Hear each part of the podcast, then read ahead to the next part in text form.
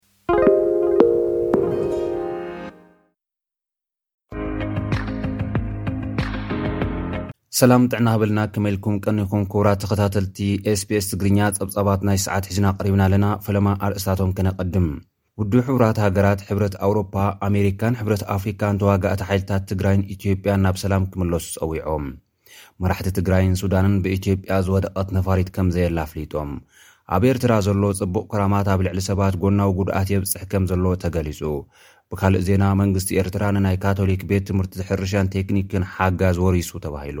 ሰልፊ ፖለቲካ ስርዓት ደርግ ዝነበረ ኢሰፓ ኣብ ቦርድ መረጻ ኢትዮጵያ ክምዝገብ ዘቕረቦ ሕቶ ተነጺጉ።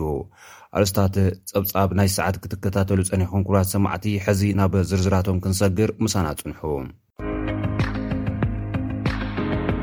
ውድብ ሕብራት ሃገራት፣ ሕብረት ኣውሮፓ፣ ኣሜሪካን ሕብረት ኣፍሪካን ተዋጋእቲ ሓይልታት ትግራይን ኢትዮጵያን ናብ ሰላም ክምለሱ ጸዊዖም። ኣብ ኢትዮጵያ ረቡዕ ወጋሕታ 11 ሰዓት ኣቆጻጽራ ግእዝ ዝጀመረ ውግእ ሕጂ እውን ይቕጽል ከም ዘሎ መራሕቲ ክልቲኦም ሓይልታት ይገልጹ ኣለዉ። ዋና ጸሓፊ ሕብራት ሃገራት ኣንቶኒ ጉተሬዝ ኣብቲ ደግሲ ኩናት ተደሪኾም ንጋዜጠኛታት ኣብ ዝሃብዎ መብርሂ እቲ ኩናት ምቕጻሉ ዘሰንብድ እዩ ኢሎም ኣለዉ። ኣብ ኢትዮጵያ ግርጭት ከም ብሓዱሽ ምቕጻሉ ብዓሚቕ ሰንቢደን ሓዚነን። ኢትዮጵያውያን፣ ተጋሩ፣ ኣምሓሩ፣ ኦሮሞቶት፣ ዓፋሮቶት ዝበዝሕ ተሳቕዮም እዮም። ብምባል እቲ ኹናት ብህጹጽ ጠጠው ክብል ዝርርብ ሰላም ክቕጽል ተማሕጺኖም። ጎና ጎኒ እዚ ድማ ብዘይ ዕንቅፋት ምሉእ ቀረብ ሰብኣዊ ረድኤት ክኣቱ፣ ህዝባዊ ግልጋሎታት ዳግም ክኽፈቱ ተላብዮም ኣለዉ። ላዕለዋይ ወኪል ጉዳያት ወፃእን ፖሊሲ ፀጥታን ሕብረት ኣውሮፓን ምክትል ፕሬዚደንት ኮሚሽን ሕብረት ኣውሮፓ ዝኾኑ ጆሴፍ ቦሬል ብወገኖም እቲ ደግሲ ኩናት ነቲ ተጀሚሩ ዝነበረ ኣፋፌት ዝርርብ ሰላም ብኣሉታ ዝጸሉ ምዃኑ ብምሕባር ተጻባእቲ ሓይልታት እቲ ኩናት ናብ ዝኸፍአ ደረጃ ከይበጽሐ ጠጠው ከብልዎ ተማሕጺኖም። ዝርርብ ዝጅመረሉ ሰዓት ሕጂ ምዃኑ እውን ገሊፆም። ኣቦ ወንበር ሕብረት ኣፍሪካ ሙሳ ፋቂ ማሃማት ብወገኖም ኣብ ኢትዮጵያ ዳግማይ ኲናት ብምውልዑ ከምዝሓዘኑ ገሊፆም ተፃብኦታት ብቕልጡፍ ደው ክብሉ ዝፀውዑ እቶም ኣቦ ወንበር ክልቲኦም ተፃባእቲ ሓይልታት ናብቲ ተጀሚሩ ዝነበረ ዘተ ሰላም ክምለሱ ተማሕፂኖም። በቲ መንግስቲ ትግራይ እምነት ዝጎደሎ ኣሸማጋሊ እዩ ኢሉ ዝነቕፎ ፍሉይ ላዕለዋይ ወኪል ሕብረት ኣፍሪካ ፕሬዚደንት ናይጀሪያ ነበር ኦሌሴጉን ኦበሳንጆ ድማ ሽምግልና ክቕፅል ተላብዮም ኣለው። ሚኒስትሪ ጉዳይ ወፃኢ ኣሜሪካ ኣንቶኒ ብሊንከን ብግድኦም ቅድሚ ሓሙሽተ ኣዋርሕ ዝተበፅሐ ውሳነ ምቁራፅ ተኹሲ ግርጭት ክንኪ ህይወት ክድሕን ዝሓገዘ ምንባሩ ኣዘኻኺሮም ሕጂ ግን ኲናት ምጅማሩ ነዚኣቶም ናብ ሓደጋ ዘውድቕ ከም ዝኾነ ብምግላፅ ህወሓትን መንግስቲ ኢትዮጵያን ነቲ ዝተጀመረ ዝርርብ ሰላም ኣተባቢዖም ክቕፅሉ ፀዊዖም ኣለዉ። መራሕቲ ትግራይን ሱዳንን ብኢትዮጵያ ዝወደቐት ነፋሪት ከም ዘየላ ኣፍሊጦም። ሰራዊት ኢትዮጵያ ሓንቲ ኣጽዋር ናብ ትግራይ ክተብጽሕ ዝፈተነት ነፋሪት ሃሪሙ ከም ዘውደቐ ማእኸናት ዜና ኢትዮጵያ ምሕባረን ዝዝከር እዩ። ሓላፊ ወፍታት ሰራዊት ምክልኻል ሜጀር ጀነራል ተስፋዬ ኣያሌው እታ ነፋሪት ብሱዳን ከባቢ ሑመራ ናብ ትግራይ ክትኣቱ ተወቒዓ ከም ዝወደቐት እዮም ገሊጾም።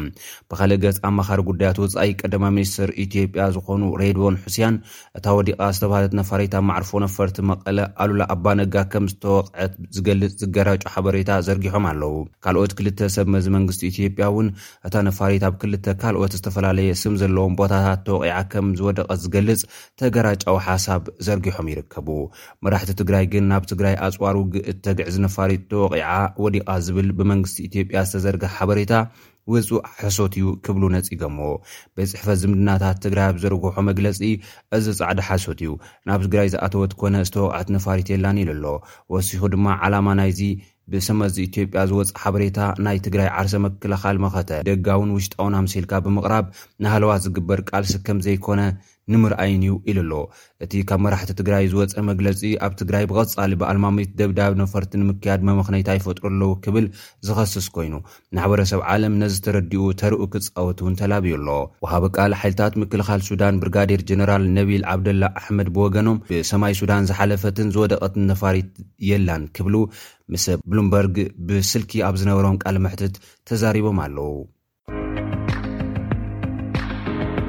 ኣብ ኤርትራ ዘሎ ጽቡቕ ክራማት ኣብ ልዕሊ ሰባት ጎናዊ ጉድኣት ከም ዘብጽሐ ተገሊጹ። ኣብዚ ወርሒ'ዚ ኣብ ኣስመራ ሰለስተ ሰባት ብሰንኪ ዝናብ ኣብ ገዝኦም ተቐጸቒጦም ከም ዝሞቱ እውን ተሰሚዑ ኣሎ።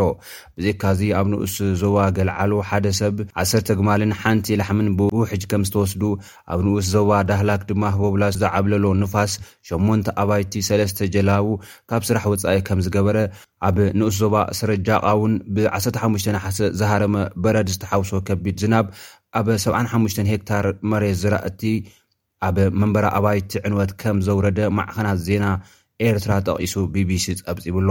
ብኻልእ ዜና መንግስቲ ኤርትራ ንናይ ካቶሊካዊት ቤት ትምህርቲ ሕርሻን ቴክኒክን ሓጋዝ ወሪሱዋን ተባሂሉ። ትምህርቲ ሕርሻን ቴክኒክን ሓጋዝ ንዝሓለፉ ዕስራን ሰለስተን ዓመታት ብዓውድታት ኣግሮ መካኒክ፣ ስነ እንስሳን ስነ ኣትክልትን፣ ምዕቃብ ማይን ሓመድን ከምኡውን ልምዓት መስኖ ብግብርን ክልሰ ሓሳብን ልዑል ደረጃ ዘለዎ ትምህርቲ ክትህብ ምጽንሓ ይንገር። ብዘይካዚ እታ ቤት ትምህርቲ ብሉጽ ወይኒ ሻልኩ ብምፍራይ ማርማላታን ነቢትን ከምኡውን ብዙሕ ምህርቲ ዝህባ ናይ ጸባ ከብቲ ብምፍራይ ብቕዓቱ ዝተረጋገጸ ርግኦ፣ ሪኮታ፣ ፎርማጆን ጠስምን ብምፍራይ ንህዝቢ ተገልግል ምንባራ ተገሊጹ'ሎ። ኣብ ርእሲኡ እታ ቤት ትምህርቲ ካብ ዝተፈላለዩ ዞባታት እታ ሃገር ንዝመጹ ኣብቲ ከባቢ ንዝነብሩ ዜጋታት ልዑል ናይ ስራሕ ዕድላት ትፈጥር ምንባራ'ውን ተሓቢሩ። ሕጂ ግን መንግስቲ ኤርትራ ከምቲ ኣብ ክልተ ሽሕን ዓሰርተ ትሽዓተን ብካቶሊካዊት ቤተ ክርስትያን፣ እምነት ሚስዮን ኦርቶዶክስን ከምኡ'ውን ሃይማኖት እስልምናን ዝመሓደራ ዝነበራ ኣብያተ ትምህርቲ ካልኣይ ደረጃ ዝሃገረን ከምኡ'ውን ኣብ ሰነ ክልተ ሽሕን ዓሰርተ ትሽዓተን መንግስቲ ኤርትራ ኣብ መላእ ሃገር ንዝርከባ ትካላት ጥዕና ካቶሊካዊት ቤተ ክርስትያን ዝወረሰን ትካላት ከም እተወርሰት እዩ ተገሊጹ። ብዘይካ'ዚ ብካቶሊካዊት ቤተ ክርስትያን እትውነን ኣብ ደቀምሓረ እትርከብ ቤት ትምህርቲ ቴክኒክ ዶንቦስኮ ኣብ መጀመርታ ወርሒ መስከረም ኣብ ኢድ መንግስቲ ኤርትራ ክትኣቱ ምዃና እውን ቢቢሲ ጸብጺቡ ኣሎ። መንግስቲ ኤርትራ ንኣዋጅ ቁጽሪ ሰብዓን ሰለስተን ሽሕን ትሽዓተ ሚእትን ተስዓን ሓሙሽተን መሰረት ብምግባር ነተን ትካላት ከም ዝወርሰን እዩ ዝገልጽ። ሰልፊ ፖለቲካ ስርዓት ደርግ ዝነበረ ኢሰፓ ኣብ ቦርድ መረፃ ኢትዮጵያ ክምዝገብ ዘቕረቦ ሕቶ ተነፂጉ። ሰልፊ ሰራሕተኛታት ኢትዮጵያ ኢሰፓ ቅድሚ 30 ዓመታት ኣብ ኢትዮጵያ ብሕታዊ ገዛኢ ሰልፊ ዝነበረ እዩ። ዘይሕጋዊ ተባሂሉ ካብ ፖለቲካዊ መድረኽ እታ ሃገር ካብ ዝእለን ደሓር ድማ ንፈለማ እዋን ኣብ ዝሓለፈ ወርሒ ግንቦት እዩ ሃገራዊ ሰልፊ ኮይኑ ክምዝገብ ሕቶ ኣቕሪቡ ተባሂሉ። ቦርድ መረፃ ኢትዮጵያ ድማ ምስ ሽም እቲ ፕሬዝደንት ስርዓት ደርግ ዝነበረ መንግስቱ ሃይለማርያም ተመሳሳሊ ዝኾነ ፖለቲካዊ ሰልፊ ንምምዝጋብ ዝቐረበሉ ሕቶ ከምዝነፀጎን ዝርዝር መንፀጊኡን ገሊፁ ኣሎ። ብመሰረት ኣዋጅ ምዝገባን ስነምግባርን መረፃ ስያሜ እቲ ንምዝገባ ዝቐረበ ሰልፊ ፖለቲካ ምስቲ ኣብ ዝሓለፈ ዝነበረ ዝመሳሰል ስለዝኾነ እቲ ቦርድ ከምዝነፀገ እውን ገሊፁ ኣሎ። ብተወሳኺ ድሕሪ ምእላይ ስርዓት ደርግ ዝወፀን ክሳብ ሕጂ ዘይተቐየረን ኣዋጅ ስነ ስርዓት ሰላማዊ ሰልፍን ህዝባዊ ፖለቲካዊ ኣኸቦታትን ነቲ እሴፓ ዝተብሃለ ሰልፊ ፀረ ዴሞክራሲን ገበነኛ ውድብ ብምባል ብሕጊ ክፈርስ ምግባሩ እውን ገሊፁ ኣሎ።